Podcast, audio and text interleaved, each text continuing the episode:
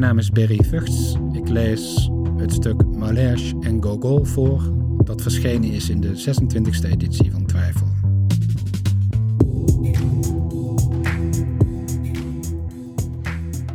Ik leid aan een kwaal die in 2013 voor het eerst in het DSM-handboek voor psychiatrie is opgenomen en daarmee officieel als stoornis werd erkend. Van malergie had ook ik natuurlijk wel eens gehoord, maar dan toch uitsluitend als de in onbruik geraakte typering waarmee in de laat 19e eeuwse literatuur een aanstellerige gemoedstoestand werd aangeduid. Dat de term al enige tijd de courante omschrijving van een complex ziektebeeld was, wist ik eerlijk gezegd tot voor een half jaar geleden niet. In die eerste vermelding is er nog sprake van een zogeheten snijvlakstoornis, wat simpelweg betekent dat ze nogal uiteenlopende verschijnselen omvat, die echter allemaal betrekking hebben op een merkwaardige verhouding tot malligheid, mal, namelijk die welke een directe fysieke afkeer teweeg brengt, lergie. Het is niet toevallig dat deze stoornis, die zich om onduidelijke redenen meestal vanaf het 25ste levensjaar manifesteert, vernoemd is naar Georges Malèche, de Franse auteur 1813-1877, die wereldberoemd werd met zijn hekeldichten, waarin vriend en vijand met de grond gelijk werd gemaakt en die, in de brieven die zijn overgeleverd, niet zelden een uitgesproken afkeer van malligheid, grappenmakerij demonstreerde. Om hier meteen een wijdverbreid misverstand uit de weg te ruimen, het ging met Malèche daarbij niet om de grappenmaker. Dat was een bijfiguur, een functie, zo gezegd, van de cultuur die hij verafschuwde en voor wie hij zelf weliswaar geen greintje sympathie kon opbrengen, maar waarvan hij toch vond dat deze in principe mededogen verdiende. Het ging ook niet om de grap. Het was het lachen erom. En nog erger, het meelachen dat de Fransman niet kon verdragen, waarbij hij in het bijzonder het schateren, kromliggen of dubbelslaan hekelde omdat hij bij die symptomen een onderliggend maatschappelijk malheur vermoedde, welk hij dan ook wel aanduidde als populaire cultuur. Malèche stelde dat de individuele lacher, indien deze zich verenigde in een publiek, fungeerde als thermometer waaraan de maatschappelijke gesteldheid kon worden afgelezen. Het huilen van het lachen beschouwde hij als een regelrechte belediging aan het adres van alle pasgeborenen. Door zijn tijdgenoten werd Malèche gezien als een zonderling. Hij werd beschimpt. Het schijnt dat er achter zijn rug om werd gelachen om zijn theorieën.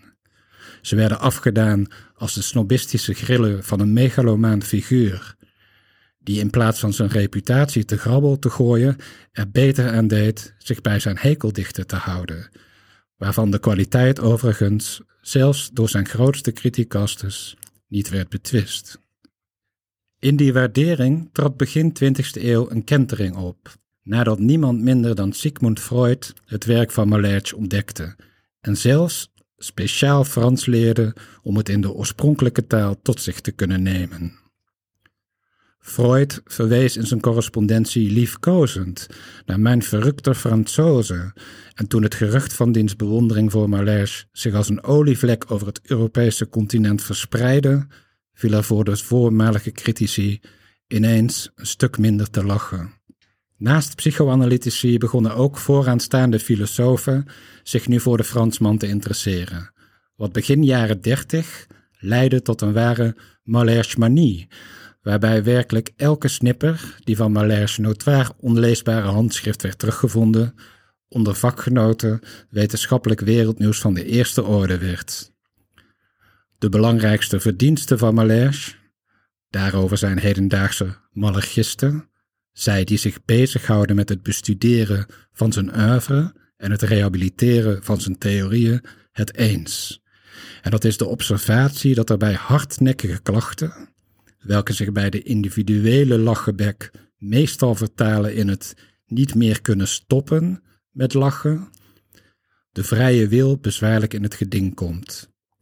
Indien dat het geval is, ook al wordt er niets grappigs meer verteld of zelfs ronduit gezwegen, sprak Malèche onomwonden van ziekte en ook wel van ziekelijkheid.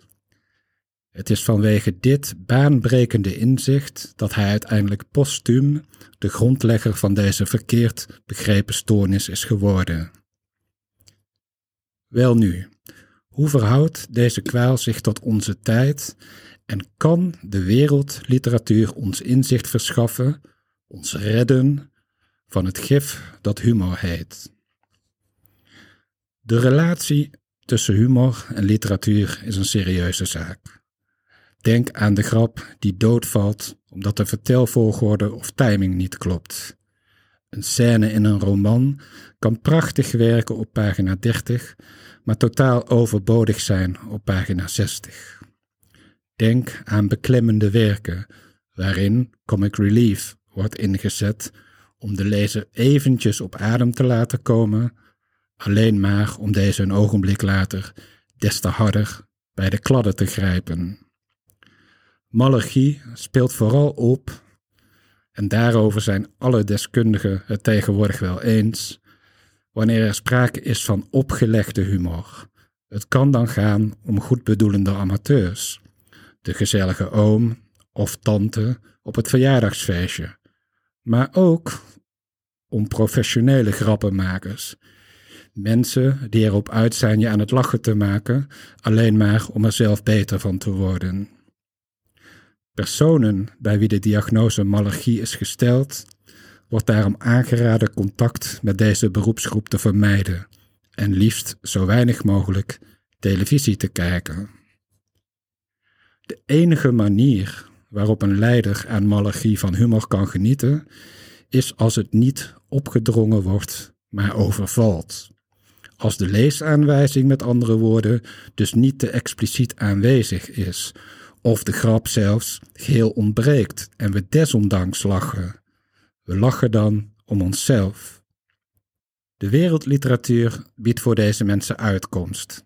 Ik denk daarbij aan Nikolai Gogol, de grote Rus, zelf een snijvlakker van het eerste uur, die zijn stoornis uitstekend begreep en zijn humoristische meesterwerk Dode Zielen een poëem noemde. Lees dat boek. Als u het niet grappig vindt, zich na een aantal alinea's onwel voelt, dan is dat wellicht omdat ik u onbedoeld een leesaanwijzing heb gegeven. Neem in dat geval contact op met uw huisarts.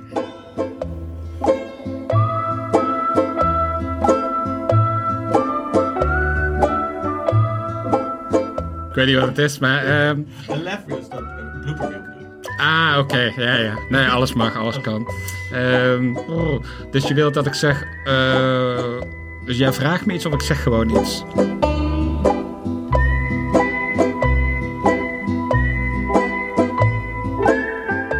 Ja, ik had misschien even moeten oefenen.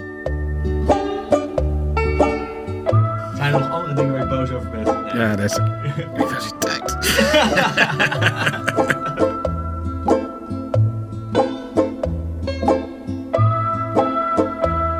Een aanstellerige gemoedstoestand werd daar. Ja, stop maar.